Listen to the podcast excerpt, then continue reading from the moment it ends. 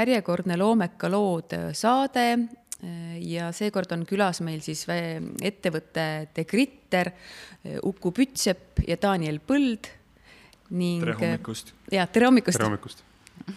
ja, ja siis Loomemajanduskeskuse poolt Loomemajanduskeskuse juht Külli Hansen. ja tere hommikust. tere. ja siis kommunikatsioonijuht Katrin Tegova. ja räägime De Gritterist. Ja ma alustan siis esimese küsimusega kohe, et kuidas De Gritter üldse sündis? ma võin alustada, minu nimi on Daniel Põld, olin De Gritteri tegevjuht ja praegu tegelen pigem siis turunduse poolega De Gritteris ja kommunikatsiooni poolega. aga De Gritter sai alguse aastal umbes kaks tuhat neliteist lõpp, kaks tuhat viisteist algus, kui, kui ma olin umbes samal ajal tegelemas siis oma hobiprojektist riistvara ettevõttega või proovisin alustada ettevõtlusega, et ma töötasin tarkvaraarendajana samal ajal ja, ja mul oli mingi umbkaudne idee, et tahaks üliväga teha mingisugust startup'i, see tundub nagu üliäge ja, ja võiks teha midagi, mis on riistvaraga seotud. Ja, ja ma alustasin projekti, mis oli mürasummutusega seotud, aktiivmürasummutusega, et plaan oli teha siis seade, mis kas siis tänavalt tulevat müra läbi akna summutaks, tekitades vastasfaasis olevaid helilaineid. Ja see, see kõlas ülipõnevalt mu enda jaoks ja ja siis ma mõtlesin, et noh, et, et see ilmselt ei ole ju väga keeruline, et, et ma tunnen nagu palju tarku inimesi, et kes suudavad selle ära lahendada ja et noh, ma ise olen ka niisugune teravam pliiats, vähemalt enda arvates kusagil mingis karbis. ja, ja siis me, põhimõtteliselt ma hakkasingi Facebookist vaatama, et, et kes võiks mind riistvara poole pealt aidata ja, ja siis too hetk ma leidsin Jaanus Kalde, kellega ma olin kaudselt kokku puutunud, aga otseselt isegi mitte tuttav. ma küsin vahele, kuidas sa üldse olid kaudselt Jaanus Kaldega kokku puutunud? ma olin käinud. mina puutusin Jaanus Kaldega esimest korda kokku siis, kui me olime väiksed pädad põlvepikkused ja siis Jaanus arvuti juku peal kirjutas mingi programm Maaritsas maal.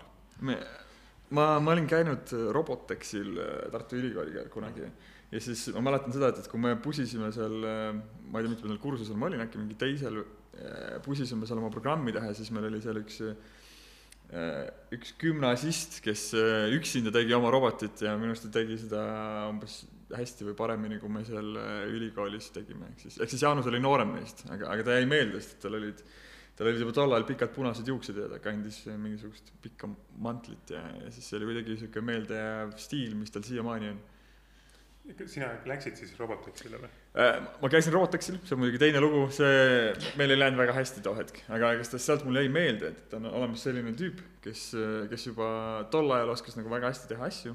ma ütlen siia vahele, minu taasühinemine, minu ja Jaanuse eluteed ühinesid samuti Robotexil, kui ma,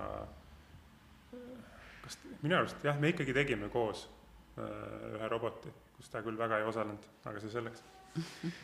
igastahes siis kuna ma otsisin seda riistvara inimest, siis ma võtsin Facebookis Jaanusega ühendust tegin isegi väikese slide deck'i, kus ma nagu tegin presentatsiooni, kutsusin ta trufee kohvikusse, saime kokku seal ja siis ma näitasin talle, et vau, näed, ma tahaks teha niisugust mürasummutusprojekti, kas sa tahaksid teha seda riistvara siin? Ja siis Jaanus mõtles, et hmm, et mul hetkel on umbes, ma ei tea, viis kuni kümme startup'i käsil või, või niisugust väikest lisaprojekti, aga üks lisaks, see ei ole nagu liiga hull.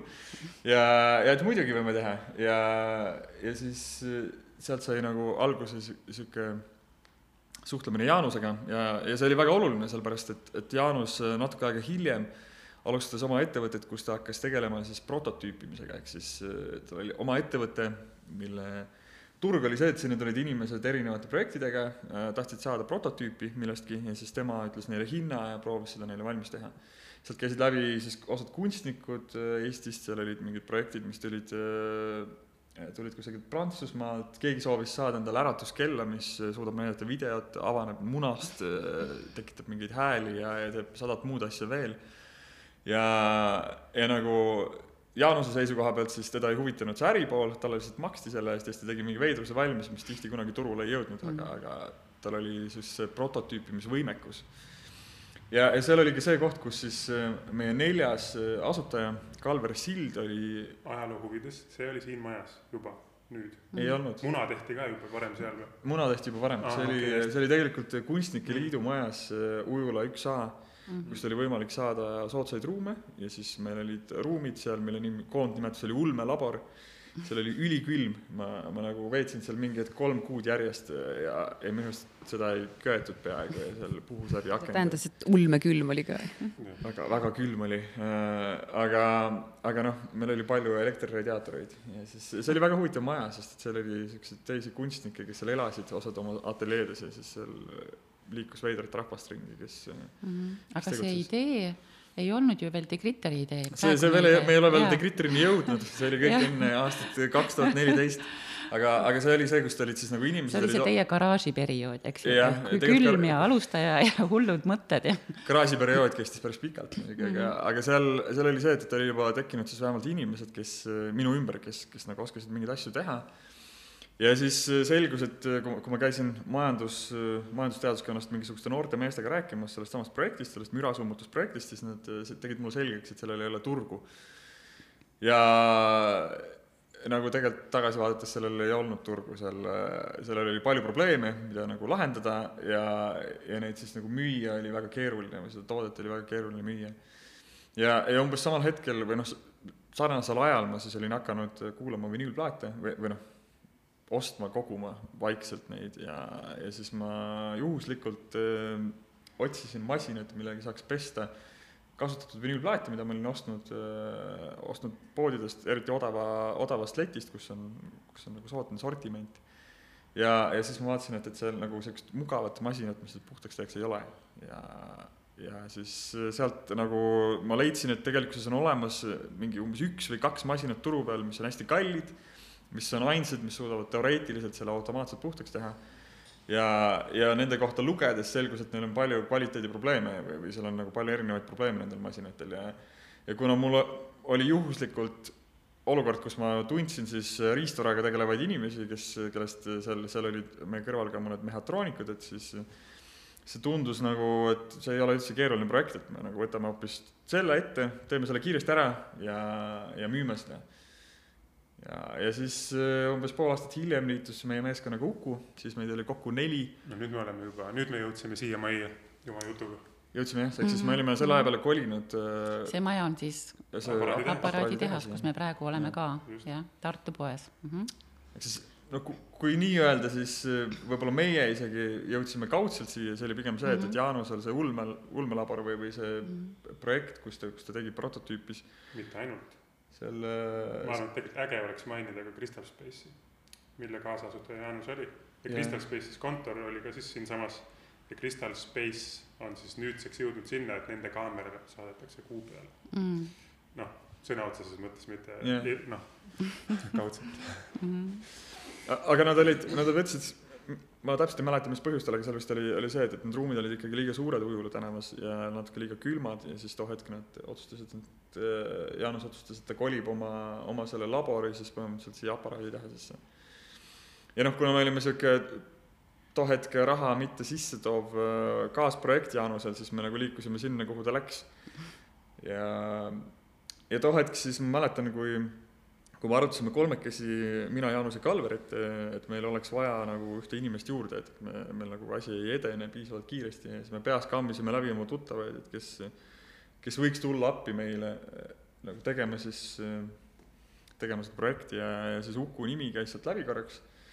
kutsusime Uku enda juurde külla, Jaanuse ruumid olid väga väiksed, seal oli, minu arust oli tal umbes kakskümmend ruutmeetrit, midagi siukest. mul oli tol hetkel rohkem pinda küll, jah ja, ja siis Uku istus diivanil, tuli nagu suur lai leht, istus, istus kohe diivanil, ütles, et nii, ma hetkel tegelen siin suurte ettevõtmistega, aga et mida, poisid, mida teil mulle pakkuda on? ja, jah. meil oli siin loomakliiniku kõrval oli Hilosofi nimeline osaühing ja me olime vähemasti selles tiivas ühed esimesed rentnikud siin majas kaks tuhat viisteist. kolisime siia teaduspargist ja tegime kontsakingade sisse siis äh, sisetaldasid. Äh, minul on ka sellised kontsa, sisetallad olemas. olen tellinud Hilosofi käest ja mm,. Seren tegi head tööd, eks ole mm. -hmm. Ja mina olin seal siis sihuke insener, et aitasin seda kõrgtehnoloogilist eh, sensorit tootmiskõlbulikuks teha. Ja, ja siis üks hetk, minu arust oli see Jaanus, kes eh, tuli minu juurde ja ütles, et eh, tule maja teise tiiba, vaatame, vaatame üle. ma võib-olla olin tal ühe korra varem külas käinud selle asju vaatamas Ehm, ja, ja, ja nii ta, nii ta siis läks. aga mis sind võlus selles idees, et sa otsustasid liituda selle ehm, tiimiga? võlus see, et, et mulle pakuti raha ehm, sest ma ei olnud Hilosophist juba, ma arvan, paar-kolm kuud palka saanud. ja, ja kui need palgad olid, siis nad tulid ka niimoodi, üks kuu tuli ja siis mhm. järgmine kuu jälle ei tulnud ja siis ma tegelesin ka väga mitmete asjadega, näiteks siin oli põgenemiskelder oli vahepeal, siis ma ehitasin sinna atraktsioone. ja samal ajal ja, ja siis mul tegin endal enda ettevõtteid veel juurde. see on väga pikk lugu, väga palju, liigirikkus oli suhteliselt suur ja noh, tundus äge kellegagi koos midagi teha, ma arvan, natuke sai raha mm. -hmm ja, ja, ja see oli äge, äge aasta. jah, ja samal aastal äh, ma läksin koos Tarvo Metspaluga asutama siis Spark Maker Labi koos Rein Lemberpuuga mm.. see oli sama aasta, ma mõtlesin, et see oli hiljem juba. sama aasta oli. kaks tuhat, kas see kaks tuhat kuusteist ei asutatud? kaks tuhat kuusteist juriidiliselt, kaks tuhat viisteist hakkas see tants peale mm aga sellest raha koha pealt rääkides, siis äh, see raha, mida me Ukule maksime, kuna meil ei olnud sissetulekut, see tuli minu palgast iga kuu. ehk siis ma oma palgast kandsin iga kuu kindla summa Uku kontole ehk Alveri kontole. see on lihtsalt, ma ütlen, märksõna, kuidas kanda raha üle nii, et see oleks hästi nagu anonüümne üldse inimestele, siis pane lihtsalt kirja ülekanne mm. -hmm. ja iga kuu tuli mulle üks ülekanne siis mm -hmm. Daniel Põllult ja, ja see, sellega nagu läks veel asi naljakamaks siis, kui ma läksin mingi hetk kui Degritterile oli vaja natuke rohkem raha, siis ma läksin panka, et võtta pangalaenu endale ja seda Degritterile anda. ja siis seal oli suurepärane vestlus äh, kliendihalduriga, kes küsis, et, et nagu muidu noh, sissetulek on täiesti okei okay ja kõik tundub väga hästi, aga et, et mis asjad on need ülekanded, mis siit lähevad iga kuu nagu kindlal kuupäeval Kalverile ja Ukule nagu kindlas summas ja niimoodi nagu aasta otsa järjest, eks, et see äh, tekitas küsimusi natuke. isegi see ülekanne järelikult tekitab mõnikord, mõnikord küsimusi. Yeah.. aga selles mõttes on see, kuidas öeldakse, nagu huvi, jälle huvitav kuulata, mitte nüüd siis võib-olla suur uudis, aga just see, et kui nii-öelda suure käivega ja edukad ettevõtted, et nad alustavad kõik ikkagi noh, suhteliselt sellise nagu piiri peal, on ju, et see, et keegi, kas keegi üldse saab palka ja peab laenu võtma ja see kõik on selline noh, väga riskantne ju projekt, et sa võid ju täiesti ka kõrbeda ja pärast mõelda, et mis, mis sinust edasi saab. et äh, teil on selles mõttes ikkagi väga hästi läinud ja et äh. mm,. kommentaariks võib-olla siia juurde, et äh, see on üks variant, aga kindlasti on ka teine variant, kus sa viskad kohe suure raha alla ja tuleb hea projekt, eks ole, et üks analoog näiteks on see, et kui mingid Youtube'i kanalid kasvavad vaikselt, siis nad teevad vist uue kanali, kus seda vana saasta ei ole enam no ja põmm, on kohe on kvaliteetsisu, eks ole, niimoodi. esimesest videost alates on sada tuhat pluss vaatamist ehm.... väiksed näpunäited sellele podcast'ile, et siis kui üks hetk olete väga suured, siis saate visata igavamad saated nagu see siin ära. kui te hakkate Rahvusringhäälingule kandedele astuma, et siis on äh, jah mm -hmm. just. aga selles mõttes küll, äh, et mm, oli ebaõnnestumisi ka, jah aga jah, mina kuulen ka siit seda, et te alustasite nagu startup või startup'i tegijad, on ju, et sada erinevat ideed mm., äh, igal pool testite, raha ei ole, palju tööd mitu projekti korraga käsil, aga praegu te olete hoopis teises seisus. Mm.. et äh, praegu te ju müüte välismaale ja me ei olegi jõudnud rääkida, mida te tegelikult tööd müüte, et mis see Degritter siis on ma võin teha kokkuvõtte? jaa T-Gritter on äh, vinüülplaatide pesumasin, automaatne, niisugune nagu kodune rööster. paned sinna plaadi sisse, vee tagant luugist sisse ja vajutad nuppu ja siis see masin peseb plaadi ära ja kuivatab ära. ma lihtsalt mainin siia juurde, et me räägime siis äh, grammofoni vinüülplaatidest, mitte põrandale käivatest mm -hmm. parketist mm, -hmm. see nagu. võib proovida, aga kuidas õnnestub ta kindlasti midagi teeb. jah, et see on selline kodukasutajale mõeldud masin et äh, me ei müü teda diskoritele eriti või, või, või, või kuhugi tööstusse, vaid ta on ikkagi konkreetselt niisugune elamistoa äh, disaini vibe'iga, niisugune Skandinaavia tunnetusega, väike hüge on sealjuures võib-olla, vähemasti fotode peal, et ta on niisugune era, eratarbijale ilus, mugav kena asi, mis teeb vinüülplaatide kuulamise nauditavamaks. Me igaks juhuks mainin üle, et, et me siis, me siis arendame ja toodame neid ja müüme, aga et ma ise plaate ei puhasta, et see on küsimus, mida mm -hmm. me, me tihti saame, on see, et, et inimesed mm -hmm. küsivad, et kas, kas teie ettevõtmine siis on see, et, et te päriselt pesete plaate ja, ja siis me peame ütlema, et ei, see, et, et sellega ma ei tegele. no muidu, muidu mõni tooks terve oma plaadikogu, poisid, puhastage mul plaadid. me ei ole selle vastu, kui see inimene tuleb ise oma plaadikoguga meie ruumidesse ja istub ja puhastab, et siis on nagu ok, et meil on seal masinaid küll, millega pesta aga samas see on ikkagi ka teenus, sest et see ju, masin ju kulub, on ju. kui keegi tahab meile maksta mingi summa selle eest, et ta ise tuleb meie juurde ja plaate peseb, siis äh, saatku see summa ja, ja tulgu kohale. aga kui, mitu, mitu sellist masinat on praegu Eestis? üks, kolm, neli, viis, kuus, seitse tükki. vähem kui kümme oleme müünud Eestisse. ja palju te olete üldse neid müünud? kolm tuhat umbes mm. -hmm. ja selle kolme tuhandega te olete ikkagi saanud äh, päris suuri käibeid, eks ju, need viimased? sellel aastal üle kahe miljoni, kaks koma kaks või kaks mhm. pool isegi või midagi sihukest. võib-olla jah, võib-olla isegi no, kaks pool majandusaasta aruanne võiks tuleb jah, ja, ja noh, pärast räägime, ütleme, mis see üks masin maksab, aga mul on praegu selle koha peal kiusatus küsida, et kui te enne rääkisite, et vot külmetasite ja, ja siis tuli mõte ja umbes poole aastaga teeme valmis, eks ju, nagu sinu jutust tuli. kui palju läks päriselt aega, ma ei tea, mis aastast me räägime, seal kaks tuhat kuusteist või, selleks, et te tunneksite, et nüüd teie äri käib? kui, kui teha see kiire nagu ajajoone ja. ülevaade, siis mm. eks ütleme, et, et kaks tuhat viisteist algus, siis oli see, kus me nagu päriselt pihta hakkasime. siis kaks tuhat 2000 Äh, kaks tuhat kuusteist me tegime, saime endale disaini valmis, see tähendas seda, et meil oli siis 3D renderdus sellest, milline ta võiks välja näha. siis kaks tuhat seitseteist me saime esimese äh, töötava prototüübi valmis, äh, siis me saatsime neid nii-öelda esimestele testijatele või esimestele klientidele nagu proovimiseks Euroopas viisteist tükki. Siis kaks tuhat kaheksateist me tegime kampaania Äh, Indiegogos, kus me müüsime siis ette äh, neid masinaid oma klientidele. see on ühisrahastus. ühis, ühisrahastuskampaania, jah, täpselt, täpselt. ja mm, -hmm. ja me olime ise siis äh, nii-öelda kliendid sinna kokku ajanud suuresti, et see mm -hmm. ei olnud nii, et, et me lihtsalt panime selle üles ja inimesed tulid, vaatasid, vau, kui äge masin ja siis me ostame. vaid pigem olime siis neile tekitanud huvi, et nad tulid seda ostma sinna.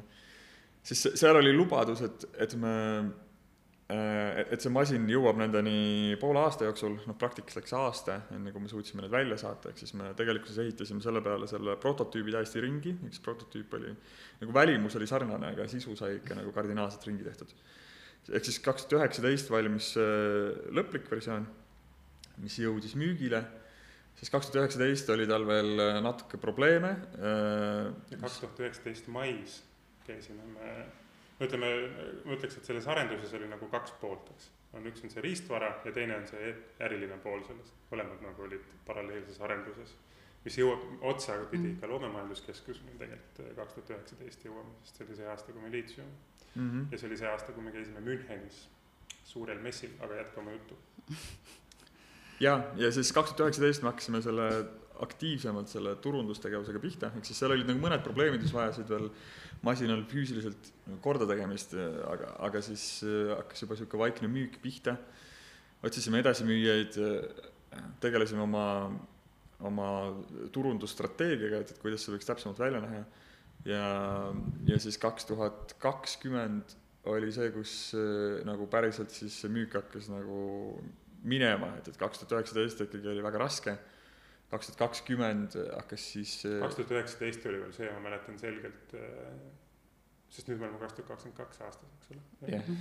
Äh, kaks tuhat üheksateist ma mäletan veel seda, et selgelt ma istusin, vaatasin pangakontot, et et, et veel ei ole, eks ole, nüüd, et ei neljateist päeva pärast palka üle kanda töötajatele, et kõigepealt kanname neile ja siis endale, aga noh, siis me, meie müük, ütleme kaks tuhat üheksateist oli meie strateegia see, et me müüme ainult või noh, keskendusime oma veebipoe müügile ja sealt tiksus niimoodi kaks müüki nädalas mm, -hmm. umbes üks kuni kaks mäletan.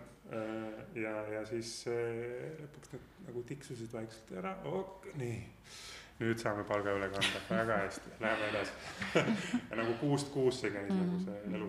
kogu aeg jälgid, et kas ikka tuleb ja kas ja, ikka, jah. Ja, ja, ja siis äh, tegelikult äh, me tegime väiksed muudatused selles, äh, kuidas me oma masinaid müüme. see, seal oligi, seal oligi see teema, et, et me tahtsime masinaid saata siis kasutajatele arvustamiseks, eriti, eriti nendele prominentsematele kasutajatele, kes kirjutavad siis, kes mingisuguse äh, kuhugi Hiifi ajakirja arvustuse või siis, või siis teevad Youtube'is video selle kohta, aga kuna kaks tuhat üheksateist me nägime, et, et tal olid veel, et oleks nagu, paneme kuulaja konteksti. Mhm. kaks tuhat üheksateist me olime siit ära kolinud, me mhm. läksime mm -hmm. Narva maantee üheksasse, kus mina tegin siis paralleelselt Spark Maker Labi ja seal me saime palju kallimad ruumid ja, ja siis me tõu-, tõesti jõudsime garaaži omadega, eks ole, et see oli üks väike renoveerimata ruum, aga ma sain maja Äh, omanikega siis äh, hästi läbi ja rääkisin sealt natuke hinda alla, et me seal ise, ise toimetame. nii et lihtsalt, et oleks selge, me olime sellel hetkel siis, see oli nüüd kolmas asukoht, Narva maantee üheksa. muidugi jah, muidugi kahe tuhande üheksateistkümnendaks aastaks me olime seal juba laienenud, et me alustasime seal. jah, kaks tuhat kaheksateist. seal haisvas garaažis me alustasime mingi kaks tuhat seitseteist või midagi siukest. Mm, okei. aga aga jah, selleks hetkeks meil ikkagi olid seal, ma arvan, et meil pinda oli kokku umbes kaheksakümmend ruutmeetrit ja. kaks tuhat üheksateist, jah. -hmm. ja meil oli kaks tuhat üheksateist, meil oli ka esimesed Esimesed nagu töötajad. kaks töötajat, Andres ja Hindrek. ja, Kaimo oli ka. Kaimo vist tuli hiljem natuke. või ta tuli korraga? ta tuli varem. ta tuli varem või? ta tuli esi-, enne, jah. enne, okei okay,, no siis äh, Andres, Kaimo, Hindrek, jah. eks meid kokku oli pigem seitse selleks hetkeks ja see, see oli siis see, et kus me pidime vaatama, kuidas me palka maksame neile, sest et nagu pisut, pisut raske oli, aga, aga põhjus, miks siis, miks meil, miks meil see turundus seal kohe alguses väga kiiresti käima ei läinud, oli see, eks, et kaks tuhat üheksateist me ei, me ei julgenud veel masinat saata arvustamiseks, sest et me teadsime, et maru halb oleks, kui see konkreetne masin, mille me saadame, see nüüd laguneb laiali või temaga juhtub midagi eriti piinlikku selles konkreetses arvustamise etapis ja siis, siis me ikkagi ähm, hoidsime ennast natuke tagasi selle turundamise poole pealt. Ja, ja kaks tuhat kakskümmend alguses me saatsime siis aktiivsemalt ja kaks tuhat üheksateist lõpus me saatsime aktiivsemalt välja masinaid siis päriselt arvustuste jaoks. see tähendab seda, et tähendab seda, et, et kaks tuhat kakskümmend alguses hakkasid tulema siis esimesed posit-, positiivsed arvustused, siiamaani on kõik arvustused olnud positiivsed meil, mis on suurepärane neid hakkas tulema sealt järjest ja, ja see siis sellega koos. siia kõrvale ikkagi paralleelse voona käi-, olid meil, mis oli, ütleme, kui natuke ajas tagasi keerata, eks ole, kuidas, et meie see selline ütleme, tark tegutsemine tagantjärele vaadates oli see, et me hoidsime oma iteratsioonid nii-öelda või tootearenduse tsüklid nagu hästi lühikesed ja me alati testisime neid. ja meil oli väga nagu valitud seltskond, kelle peal me siis testisime neid muudatusi Euroopas, meil oli beeta kampaania. ja me müüsime siis Euroopasse enne seda Indiegogo kampaaniat kaks tuhat kaheksateist, müüsime kakskümmend masinat suurusjärgus ja testisime siis, lasime neid klientidel puruks teha. Need olid need prototüüpmasinad? ühe tüübiga me vahetasime kirju -hmm. nii et need kirjad olid masina sees, sest ta tegi alati selle masina lahti ja vaatas, mis seal kõik sees on, mis mm -hmm. on mhm. muudetud ja siis me panime ühele, ükskord panime sinna tere, Paul äh, ja siis ta saatis meile vastu, et oi, see oli väga tore, ma leidsin teie kirja üles ja siis, kui ta järgmine kord masina tagasi saatis, siis ta oli oma kirja pannud masina sisse, et äh, et meie saaksime selle leida. Äh, ja, ja mida, kuhu ma selle jutuga jõuda tahan, on see, et meil oli väga nagu ja need olid meie fännid, olid need mm -hmm. tüübid, eks.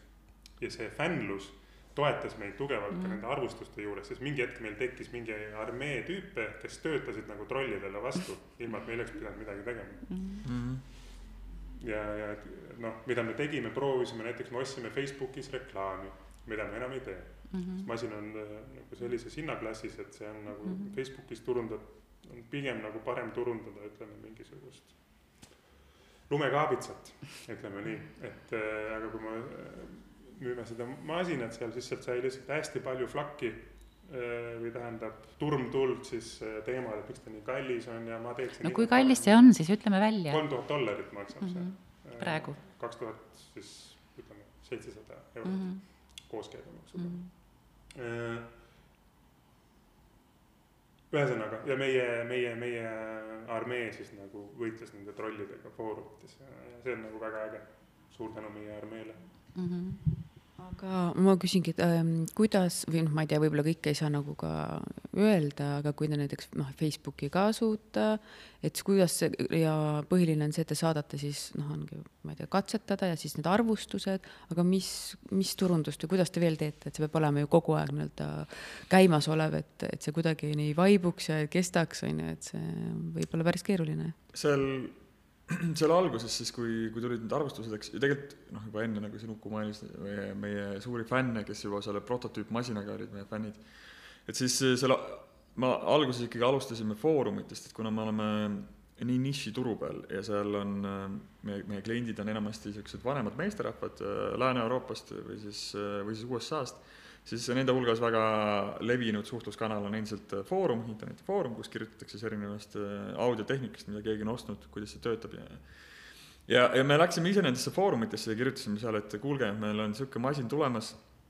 äh, praegu on, on seis selline, äh, kui, kui keegi tahab, keegi tunneb huvi, siis siit saate meid leida ja ja seejärel, kui meil tulid arvustused, siis, siis need arv-, arvustused hakkasid seda toetama meie need e-, e-, esimesed prototüübi kliendid kirjutasid seal foorumites, et äh, keegi küsis, et noh, et kas kellelgi on kogemust sellega, siis nemad läksid sinna ja jagasid oma kogemust, et jaa, et, et mul on see masin, see see siin laguneb mul väga palju, aga, aga samas mul on väga hea kliendi tugi olnud, ehk siis äh, nad, nad kogu aeg nagu on kõik korda teinud, mis seal on, kogu aeg upgrade ivad seda ja et nüüd tuleb varsti see lõplik versioon, mis on nagu täiesti imeline. ja siis nad, siis nad reklaamisid seda, nad, nad äh, rääkisid sellest, kui hea kliendi tugi meil on ma selleni jõuan, jõuame pärast, et siis saab kirjeldada, kui, kui hea kliendi tugi meil on, see on imeline. ja, ja siis, siis seal lisaks nendele arvustustele hakkas üks hetk levima ka siis jutt nagu suust suhu, ehk siis inimesed nagu ise rääkisid oma sõpradele, et vau, ma ostsin endale sellise masina, see teeb nagu imesid see on üliäge, see on üliilus. ja, ja siis seal oli, oli juba lihtsam saada ka ligipääsu siis edasimüüjatele, ehk siis, ehk siis meie, meie, meie turundusstrateegia selleks hetkeks oli see, et, et me äh, me jätame, tähendab, et me võt-, ehitame ise üles endale äh, edasimüügipoodide võrgustiku. Ja, ja kui klassikalises sellises äh, riistvaratoote ahelas sul on seal vahepeal ka veel turustaja, kes nagu näiteks USA-s sul on nagu üks turustaja, sa, sa saadad talle hunnikus kaupa, temal on oma võrgustik poode siis meil see, meil selgus, et, et meil ei ole piisavalt suuri marginaale, mida me saaksime sinna panna, sest et see masin on väga kallis tootmiseks. lihtsalt nüüd äh, jõuame tagasi Loomemajanduskeskuse juurde, eks ole yeah..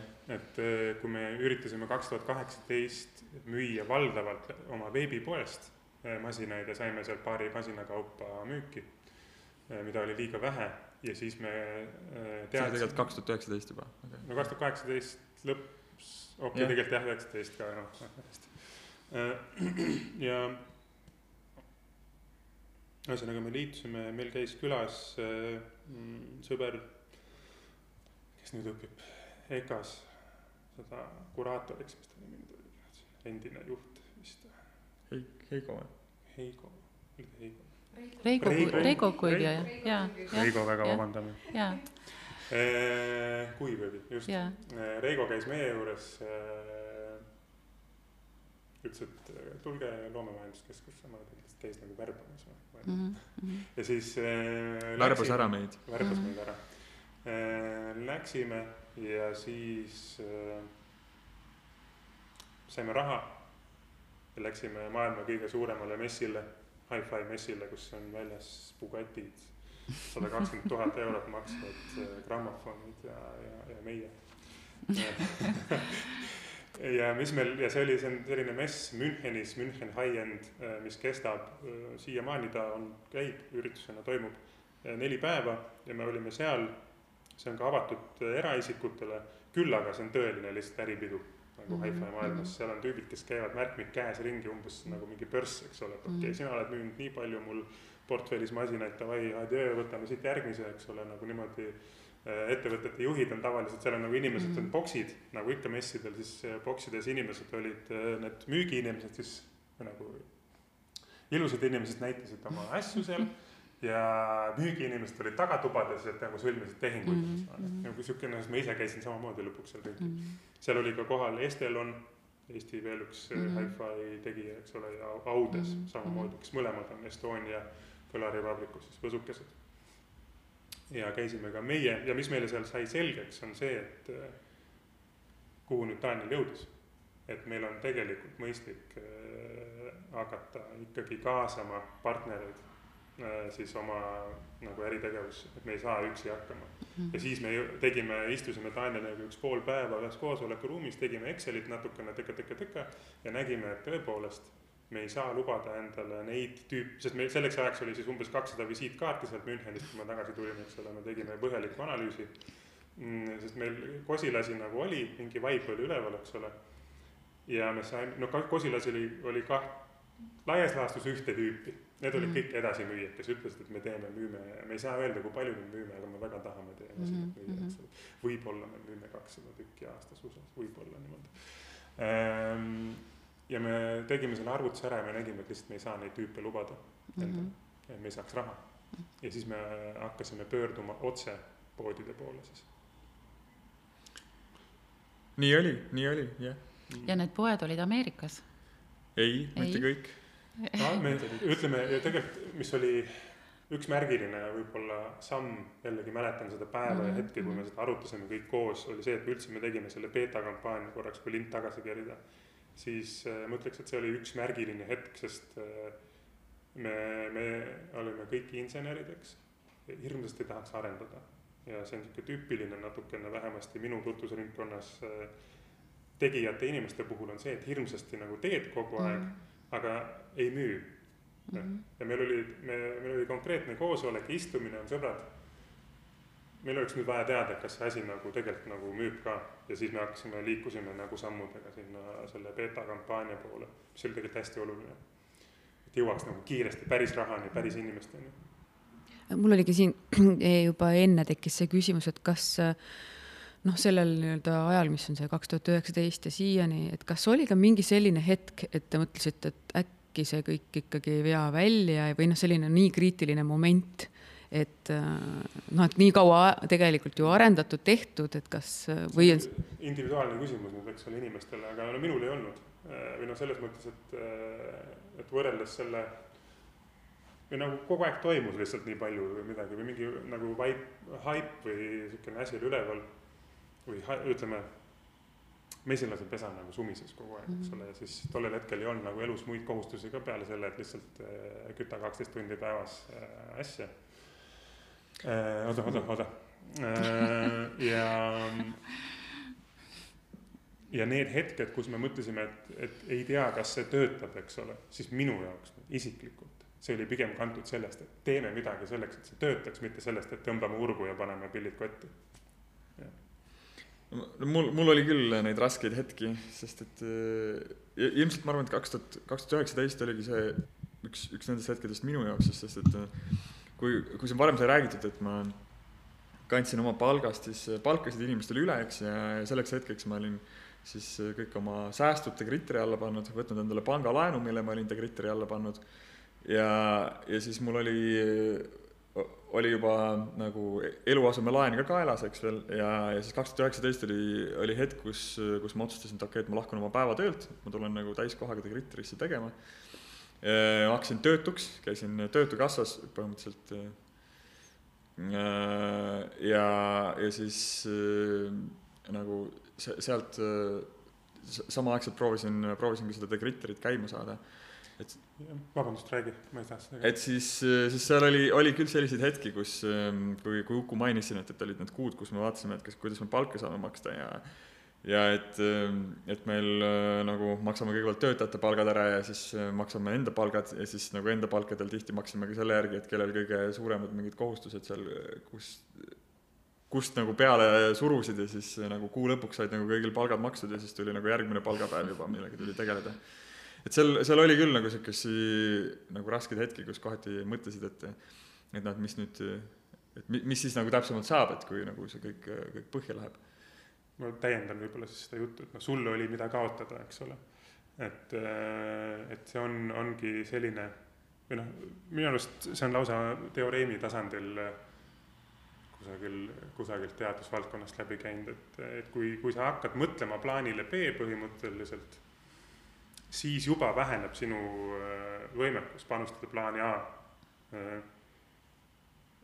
Jah, nii on et minu jaoks nagu plaani B, noh, et see plaan B või tähtsus või, või, või, või, või risk kasvab, eks ole, selle ma ütleks, et kui sa juba horisondil näed, kui sa oled lihtsalt keset ulgumerd ja, ja horisondil ei paista mitte midagi, aga kui saar hakkab paistma, siis järsku on mingid riskid, eks ole, mida me teeme, mis, mis toimub, eks ole, kas me läheme või ei. Äh, ma, ma loodan, et see piltlik äh, väljendus aitab kuidagi äh, kaasa sellele, mis ma öelda tahan. et noh, praegu me oleme küll sellises punktis juba otsapidi, kus see on hoopis teine lugu, eks ole, nüüd on, mida kaotada, eks ole me võtame palju vähem riske, ma ütleks mis ei ole hea tingimata, aga me tegeleme sellega. Üks küsimus oli veel, mis ma juba ka enne tahtsin esitada, et kui tuli siin, et kes mida teeb, et äh, korraks võib-olla täpsustada veel üle, et palju teid on Degritteris, ma tean, et noh, võib-olla seal on see, et ei saa öelda ka, et mõni tuleb ja siis selle nagu läheb mõne aja pärast, aga niisugune põhitiim ja kes, kellel on mis ülesanded, et see oleks nagu huvitav teada jälle, et siis võib-olla siis kuulajale ka öelda? hetkeseisuga meid on, äh, meie ettevõttes on üksteist inimest või kaksteist või? kokku kolmteist järgmisest kuust. Okei okay,, kolmteist järelikult.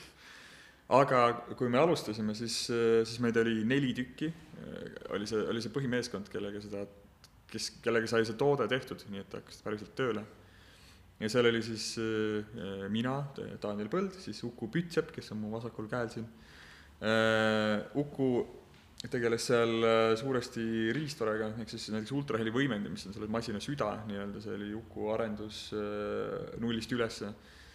Ja, ja Uku, Uku tegi seal, tegeles siis selle marketing poolega, siis lisaks äh, Ukule korraks sai siin mainitud, et oli Kalver, Kalver Sild, kes siiamaani on on ta Gritteris, juhib meie tootmist tema tegeles siis äh, mehaanikaga, ehk siis see masin suuresti selli-, sellise mehaanilisest vaatevinklist äh, on, on tema loodud.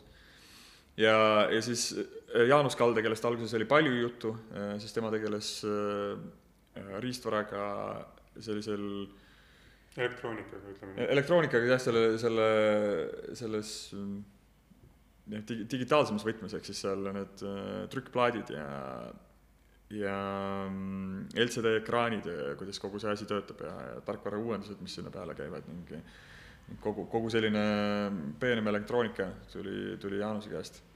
ja, ja too hetk mina siis ähm, ma tegelesin äh, olude sunnil äh, selle toote disainiga, sest et meil ei olnud kedagi teist, kes toote disaini teeks äh,. siin muidugi oli kaasabiks, oli Sixten Heitmets, kes äh, aitas äh, tugevalt sellega ja, ja siis hiljem äh, äh, mina ja Uku siis vaikselt liikusime rohkem selle turunduse poole peale ja selle, selle äriarenduse poole peale, et, et kuhu ja kuidas siis nagu seda ettevõtet liigutada mm. -hmm.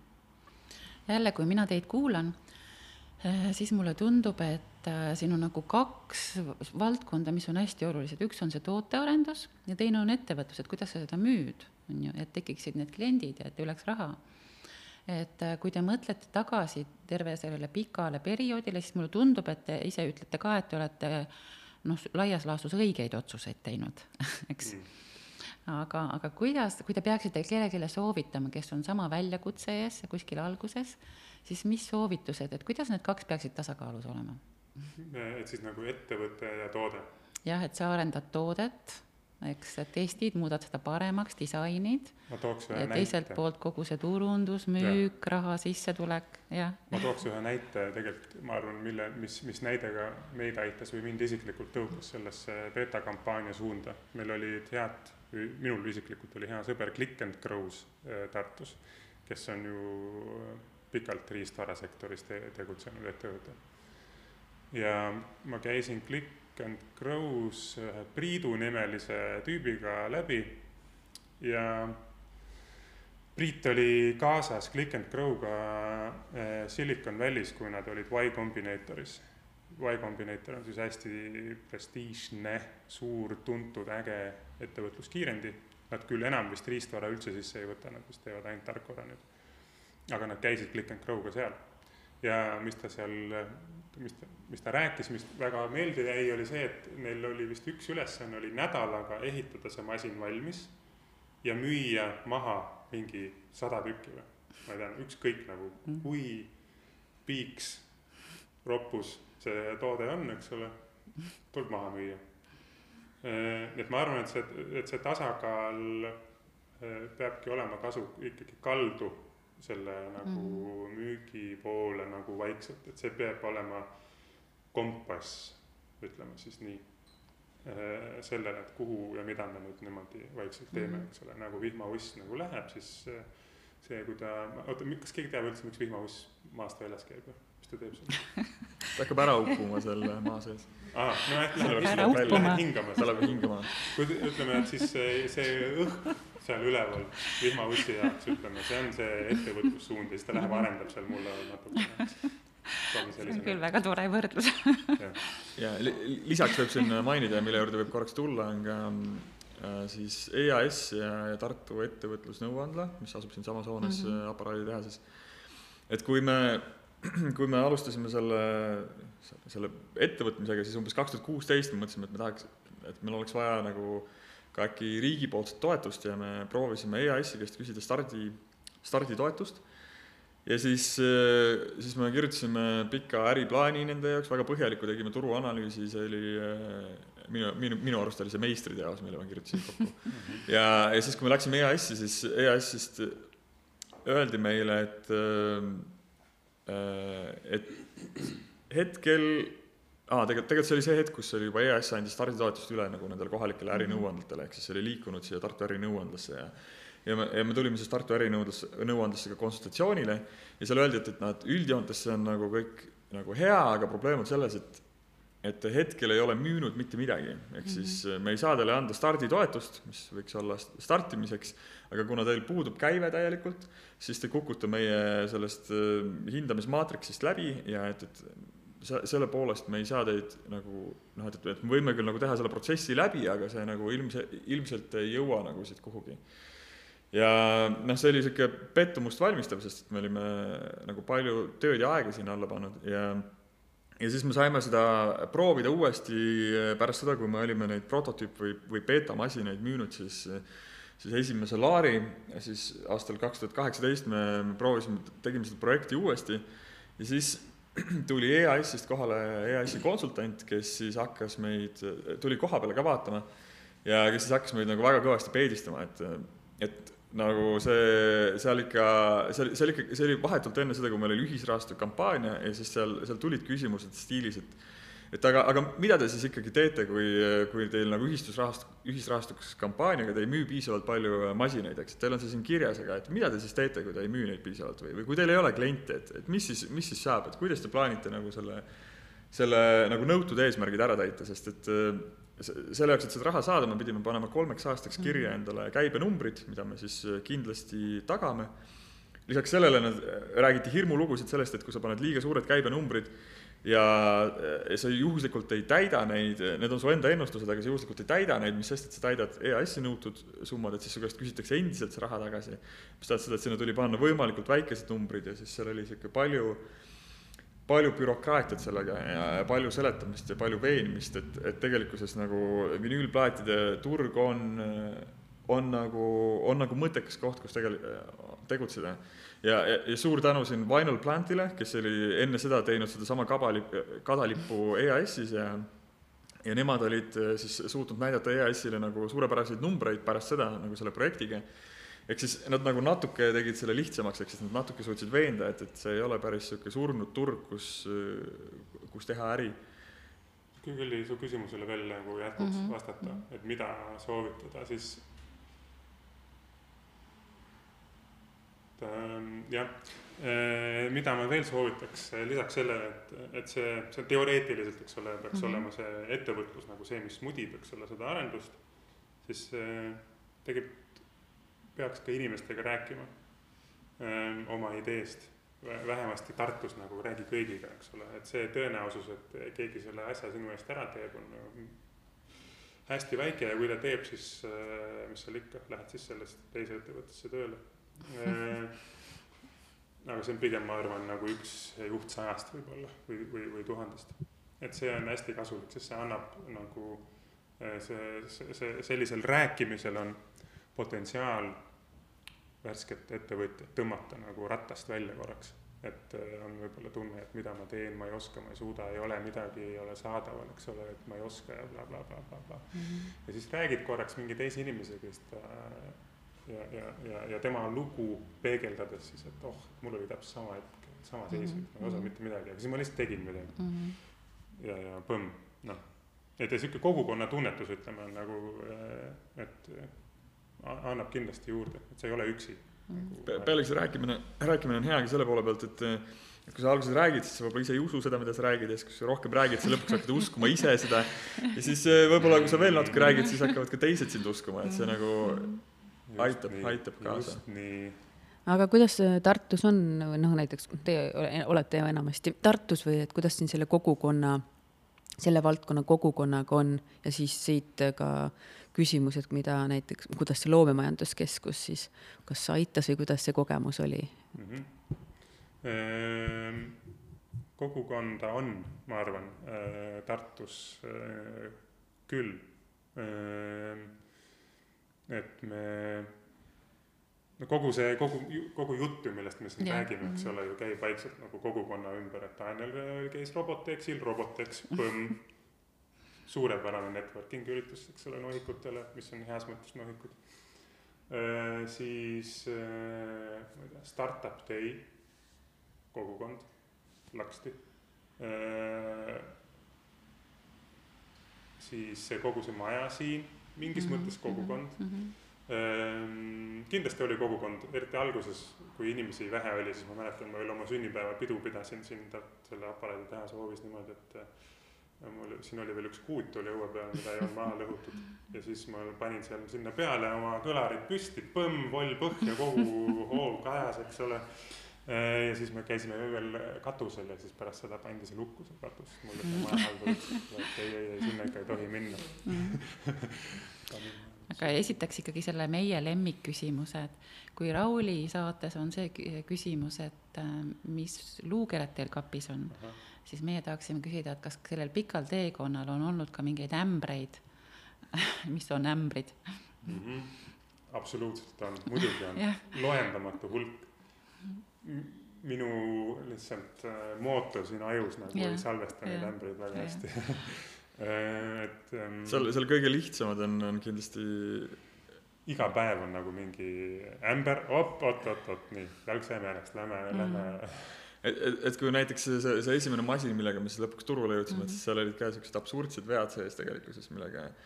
me kruvisime jõuluõhtul seda nagu kokku, ma lihtsalt ütlen jõuluõhtul, mingi hommikul kella kaheni et, et näiteks kõigepealt nende prototüüpmasinatega, mille me välja saatsime, siis seal oli nagu väga palju probleemseid kohti, need mm -hmm. nagu lagunesid ja lekkisid ja need pandi kokku silikooniga ja siis kõik kohad olid silikooni täis ja see oli nagu mingi õudus. üks ämber näiteks on see, et me arendasime liiga palju. lihtsalt arendasime selle masina üle, eks et äh, kas siis tuli nagu tagasi võtta samme või, või? muidugi, esimene suur saatmine, mis meil oli siis aasta või enam hiljem, kui me olime Indiegogo's järjest kirjutanud klientidele, tead, me varsti saadame, me varsti saadame, me varsti saadame.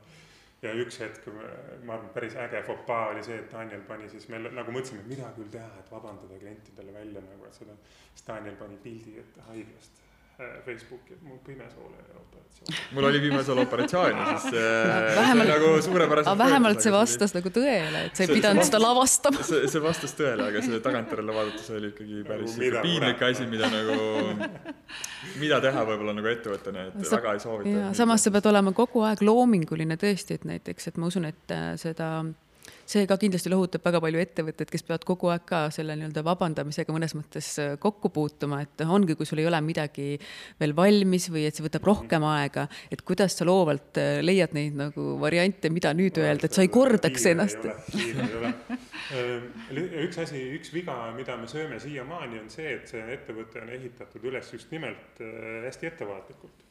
Mitte ettevõte just, aga see riistvara, räägime nüüd siis riistvarast see on nii-öelda bootstrap itud, et äh, omade rahadega järjest väikeste kasvavate summadega, mis tähendab, et me nagu ostsime siukseid komponente, mida sai väikeste rahadega osta ja siis hakkasime neid järjest välja vahetama. et äh, nagu tööstusprotsessis klassikaliselt käib asi nii, et sa viskad suure hunniku pappi alla, paned kohe nagu tööstuslikud protsessid tööle, kõik tiksub, sa toodad sada tuhat või miljon ühikut valmis, fail rate nagu on hästi madal, eks ole et meil oli see fail rate seal alguses ikka üle viiekümne, kuuekümne protsendi ja me kogu aeg nagu järjest oleme optimeerinud seda, seda, seda asja, et see masin nagu ei olegi lõpuni valmis saanud, eks. et see on üks nagu viga, noh, ämber, nimetame seda siis nagu mm. -hmm aga no samas ei ole nagu ämber mingis mõttes noh. see on elu. sest et, sest et te, teisest küljest, kui, kui meil oleks olnud see raha alguses, et, et me saaksime kohe ja no näiteks Uku, mida siin räägib nagu sellest tööstus, tööstusest, eks, kuidas ta teeb seda, siis siis äh, sul tehakse plastiku valamiseks vormid ja, ja siis sul on tehas, kes hakkab sinna sisse valama plastikdetaile ja siis ühe vormiga nagu eeldatakse, et sellega valatakse seal sadu tuhandeid ja miljoneid detaile mm. -hmm ja, ja see teeb, toob hinna väga alla, aga kui, kui sa alustad sellise väikse ettevõttena, siis äh, kõik, mida sa plastikuga teed, on ülimalt kallis, sellepärast et äh, sul ei ole neid vorme, need vormide hinnad on üüratud, selleks, et alg, alg, alginvesteering on ülimalt suur seal ja, ja nüüd on, olekski koht, et tegelikult, et kui me ei oleks nagu sellesse ämbrisse astunud, siis me oleks astunud veel suuremasse ämbrisse, mis seal kõrval oli, et mm, -hmm. et me oleks pannud selle suure, suure hunniku raha ja ehitanud äh, sellise masina, nagu meie see prototüüp oli, äh, lihtsalt plastikvormidega.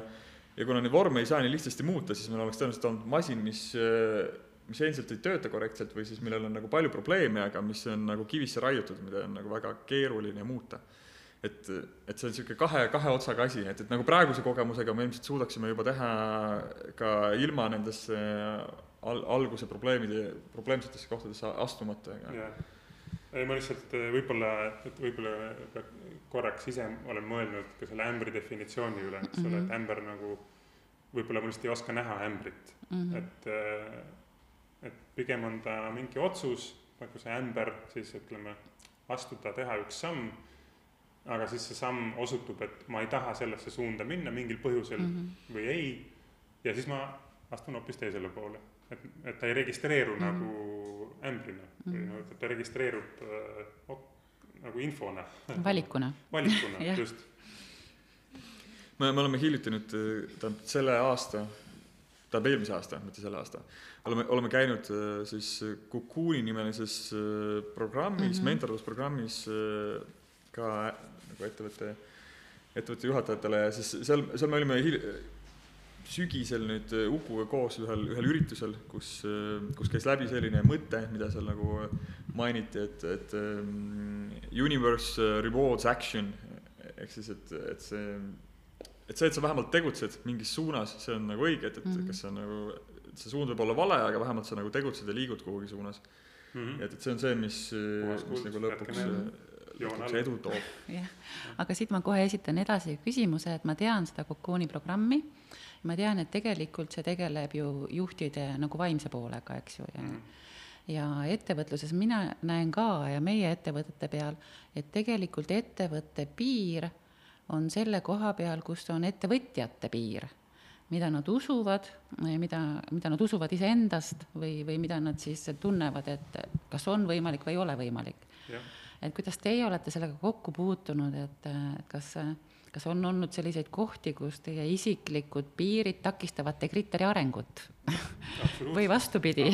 kindlasti, kindlasti. me oleme selles koha, kogu nagu äh, ju selles pilves nagu see on nonstop lihtsalt kogu aeg mm -hmm. käib meiega kaasas, see on nagu maailma taju, eks.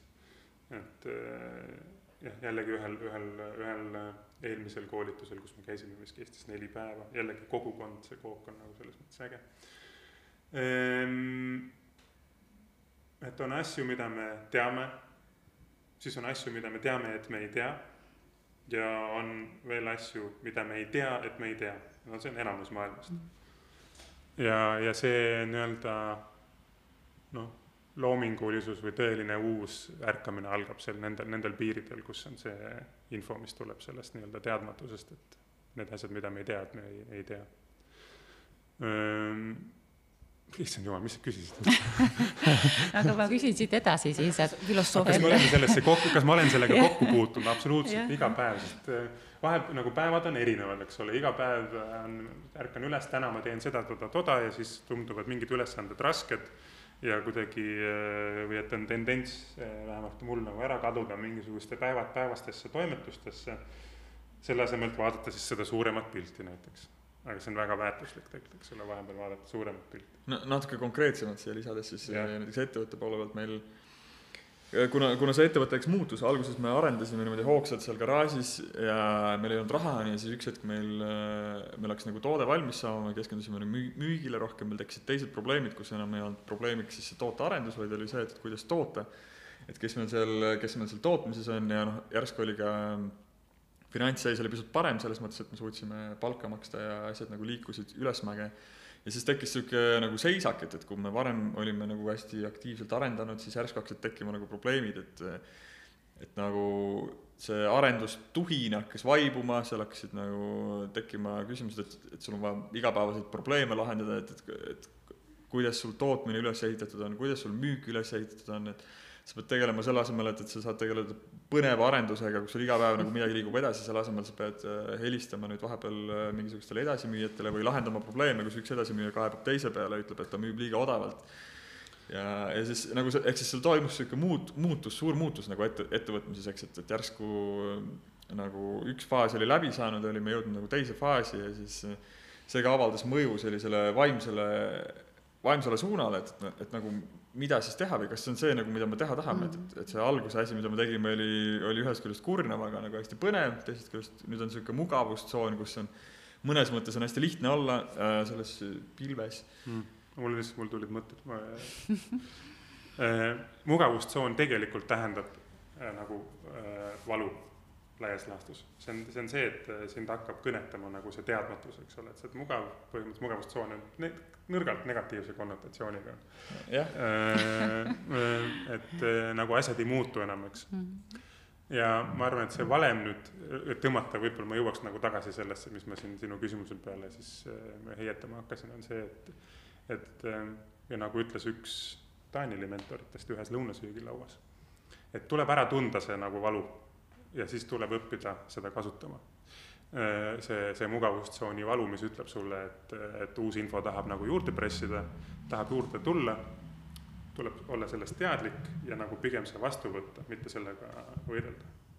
ja see on, ma arvan, äh, asi, mis annab elus rahu lihtsalt, eks ole, et midagi muutub ja ma lähen sellega kaasa ja nagu asjad, asjad lähevad loomulikult ja need muutused, noh, mis iganes see siis on aga, et lühidalt kokku võtta see vastus siis, et, et Cocoon on ja, ja see ettevõtte nagu asutajate nagu vaimne, vaimne pool, et see on nagu olnud vähemalt minu jaoks väga oluline just selles faasis, kus meie ettevõte nagu muutub või, või nagu on mm, -hmm. need probleemid on muutunud teistsuguseks ja, ja kohati see on tekitanud nagu probleeme minu enda jaoks, et, et kuidas siis ma nagu, et, et kas see igapäevane töö, mida ma nüüd teen ja see, mida ma tegin nagu neli, neli aastat tagasi, et, et, et kuidas nagu need suhestuvad omavahel ja ja kuidas leida siis seda huvi või huvi pakkuvat nagu selles, mida ma praegu teen selles mõttes on see väga, väga põnev programm on. raske, väga põnev mm, -hmm. tagasiulatuvalt veel korraks selle loomemajanduskeskuse juurde, mis jäi veel vastamata. jaa, jäi, jäi täiesti vastamata. tahaks täitsa huviga teada. et see loomemajanduskeskus on, äh, on aidanud meid väga palju, esiteks siin, mis jäi mainimata, mida Uku vist proovis mainida, oli see, eks, et, et kui me käisime kas või alguses seal München High-Endil, kus me kohtusime paljude diilerite ja, ja edasimüüjatega, et siis, siis see oli asi, mida Loomamajanduskeskus tugevalt toetas finantsiliselt, see oli ka hetkel, kus meil oli seda abi vaja. ja siis äh, Loomamajanduskeskuse see kogukond, mis on, mis on sealt tulnud, on, on olnud äh, ka vägagi toetav selles mõttes, et, et ta on, ta on olnud natuke natuke erinev äh, meie enda ettevõttest, sest et Loomamajanduskeskuses ei ole väga palju ettevõtteid, kes riistvaraga tegelevad. Kuigi no, mõned siiski on, mõned siiski on, sest et seal kõik tegelevad ju sisuliselt riistvaraga või noh, ma, päris vähe on ju neid, kellel on no, ma nagu, katsutavad ma mõtlesin siis võib-olla sellise, sellise riistvaraga, nagu meie tegeleme. aga, aga, aga siis nagu seal, seal on, me oleme kasutanud põhiliselt Loomemajanduskeskuse kontakte kõigi oma disaini ja brändinguga seonduvateks vajadusteks ja hetkel ka meil on käimas näiteks ettevõtte bränding läbi Vulkani, kes, kes vist oli mhm. varem Loomemajanduskeskuses yeah ja see oli ka neid, kes soovitas äh, meie mentor Loomemajanduskeskusest Juta. Juta, aitäh, Juta. aitäh, Juta. ja siis äh, lisa, lisaks sellele noh, on, on seal olnud äh, väga huvitavaid jutuajamisi näiteks Rabakondaga ja siis. Rabakonda küll ei ole käinud Loomemajanduskeskuses, küll aga Juta kaudu me saime nende kas nad ei olnud Loomemajanduskeskuses või? ei ole. okei, mhm. vabandust sellisel juhul, aga igastahes. aga lihtsalt... no ega see mõte ongi, et meil on ju võrgustik yeah.. me vaatame, vaatame, vaatame mööda praegu kuust, mis tiirleb T-Gretteri planeedi ümber ja tekitab tõususid ja mõõnasid, see on Ahto Külvet. ja Ahto Külvet tõesti jah, kes kes on olnud väga truu äh, meie brändisaadik, ütleme nii, et ta käis meile nagu uni pinda, et ta tahab masinat ja ta sai mm -hmm. selle masina mm. -hmm. ja, ja, see koostöö on olnud väga tore, et ka tema juures on see masin korduvalt õhku lennanud, eks mm. -hmm. ja me oleme ikkagi selle ära remontinud ja remondime edaspidi ka. seal mina olen seda masinat ka näinud ja näinud, kuidas see töötab. Mm -hmm. see on väga huvitav. ja, ja konkreetsemalt siis eriti, eriti algus, algusaastatel, kui ma alguses Viinis me Loomamajanduskeskusega, siis väga aitaski see, et, et meil olid iga, igakuised kohtumised siis Loomemajanduse Keskuses meie konsultandi Jutaga mm, -hmm. kes äh, andis väga kasulikku nõu selle koha pealt, et kuidas äh, ja mis samme edasi võtta. lisaks Startup Day boksid. ja Startup Day'l mm -hmm. tõesti, me osalesime mitu aastat Loomemajanduskeskusega koos nendes samades boksides. ma ütleks lisaks, mis mulle endale on meeldinud ikkagi on, on nende ettevõtjate endiga rääkimine, et äh, Xaos näiteks väga äge mm. -hmm. Liina juures ma olen käinud tema ateljees ka, ma ei mäleta küll, millest rääkimas, aga mm -hmm. lihtsalt käisin mm. -hmm. ja Anu mm, -hmm. Anu Aun. Anu Aunaga mm, -hmm. eks ole, oleme rohkem rääkinud ja, ja kindlasti ma unustan neid nimesid siin ära praegu, aga, aga see noh, keskuste elu, niisugune on olnud tore see on meie jaoks ka väga inspireeriv kõikide nende, nende noorte inimestega kokku saada, kes mõtlevad, et kuhu suunas areneda või mida teha. aga eh, võib-olla nüüd ongi õige aeg siis jõuda selleni, et küsida, et mis teie tulevikuvisioonid on mm. -hmm. et äh, ma tean, et te olete siin mõelnud veel mingi uue toote tegemise peale ja samas tahaks teada, et kui te sellises tehnoloogia valdkonnas, natuke spetsiifilises nišis töötate, kas seal on ka mingid trendid? Et mm -hmm. kas seal on mingid suundumused või mida teie näete, mis selles maailmas toimub? no siin võib-olla alustaks trendide koha pealt seda näiteks, et ja positiivne on öelda seda, et äh, vinüülplaatide müük on äh, nüüdseks kasvanud mhm. neliteist mm -hmm. aastat järjest. hetkeseisuga kakskümmend viis protsenti kõigist albumitest müüakse vinüülplaatide peal lihtsalt ja CD-plaatide müük siis kukub seal kõrval. see on kindlasti samas. trend, eks ole. et see, et see on trend, mis seal, mis siin toimub aga, aga meie enda, enda suundadest meil on juba käsil äh, vähemalt kahe toote arendus, mis on siis niisugused äh, endiselt selles samas nišis, kus me tegutseme, aga et katta siis selle niši mõningad segmendid, kus me praegu ei, praegu ei toimeta, näiteks üks, üks nendest on, on siis seade, mis mis oleks veel kallim, kui Decritter tänapäeval on ja, ja mõnes mõttes veel parem, et, et seal on veel meil, meil on nagu ideid, mida teha, aga lihtsalt kahjuks see meha-, mehaaniliselt läheks väga kalliks äh, kliendile, aga meie nagu selles, selles kliendibaasis on ka inimesed, kelle jaoks on nagu oluline see, et, et ta oleks nagu nagu veel mugavam, äh, veel parem, et ta oleks nagu nii-öelda kõige-kõige-kõigem äh, see on, see on meil ka, ütleme, strateegiline liigutus lihtsalt. ja igapäevaprobleemid mm -hmm. on inflatsioon ja erinevad hinnatõusud millega me peame tegelema, et see on, me läheneme sellele strateegiliselt, mitte haamriga mm. aga, aga siis, siis seal on ka, on ka teisi suundasid nagu, mida me. ma ütleks trendide poole pealt võib-olla, mis on nagu eh, minu jaoks kondenseerunud trendina, on see, et meie klientuur on eh, ehk siis eh, keskealised või vanemad meesterahvad, on ka vaikselt leidmas ikkagi üles digitaalseid lahendusi, et äh, et võib-olla see on üks trend, et eh, mis eh, on nagu niisugune risttee kusagil, on see vinüülimaailma ja, ja, siis eh, digitaalse maailma kohtumispaik, et sinna suuname ka vist oma silma mm -hmm. mingi hetk. võib-olla. jah, vähemalt see, see, selle poole pealt, et jah, seal on, seal on nüüd, seal on nüüd turu peal hun-, hunnikus selliseid vanu tegijaid, kes, kes müüvad analoogtehnikat mis on väga kallis ja, ja samas neil, ähm, kui nad paigaldavad selle enda elutuppa, siis näiteks nende kaasad või nende lapsed sooviksid selle peal äh, mängida Spotify'd või mingisugust äh, tänapäevast striimimislahendusega muusikat. ja, ja tihti, tihti see ja analoog... tihti need tüübid ise ka. jah, jah, need tüübid ise ka sooviksid seda teha, aga, aga see analoog, äh, analooglahendused, mida siis klassikaliselt see hi-fi maailm on tootnud, et need väga hästi ei toimi seal ja, ja kuna me oleme otsapidi selles hiifi maailmas sees, ehk siis meil on seal päris palju, päris palju tutvusi, siis siis me vaikselt vaatame selles suunas, et kas, kas ait-, annaks kuidagi äh, kuidagi leida lahendust sellele probleemile, et, et seal oleks siis, siis parem tarkvara ja paremad, paremad võimalused meediaserveritele, mis või stri-, striimimisseadmetele, mis võimaldaksid siis nagu selles eriti high-end audio, audiolahendustes nendel klientidel äh, kuulata muusikat, nii et see koha, tuleb, tuleb digitaalsest formaadist. et see on niisugune hästi, hästi laialivalguv vastus sellele küsimusele, et, et meil on nagu mõnes mõttes niisugused, niisuguses suunas on nagu pilk peal, praegu konkreetsemaks on keeruline mhm, minna mm. -hmm. nii, mul on üks minut aga aitäh, ma tahtsin veel küsida või niisuguse viimase küsimuse, et minul lapsena oli suur huvi kõiki aparaate nagu lahti võtta mm -hmm. ja vaadata, mis seal sees on, sest mu isa tegeles ka nagu noh, raadiote ja teleka parandamisega ja noh, selliste, et kui, kui teha nüüd see Degritteri masin lahti, kas ta näeb välja ilus seest ka? absoluutselt, väga ilus see on täitsa ilma naljata, see on. see on oluline.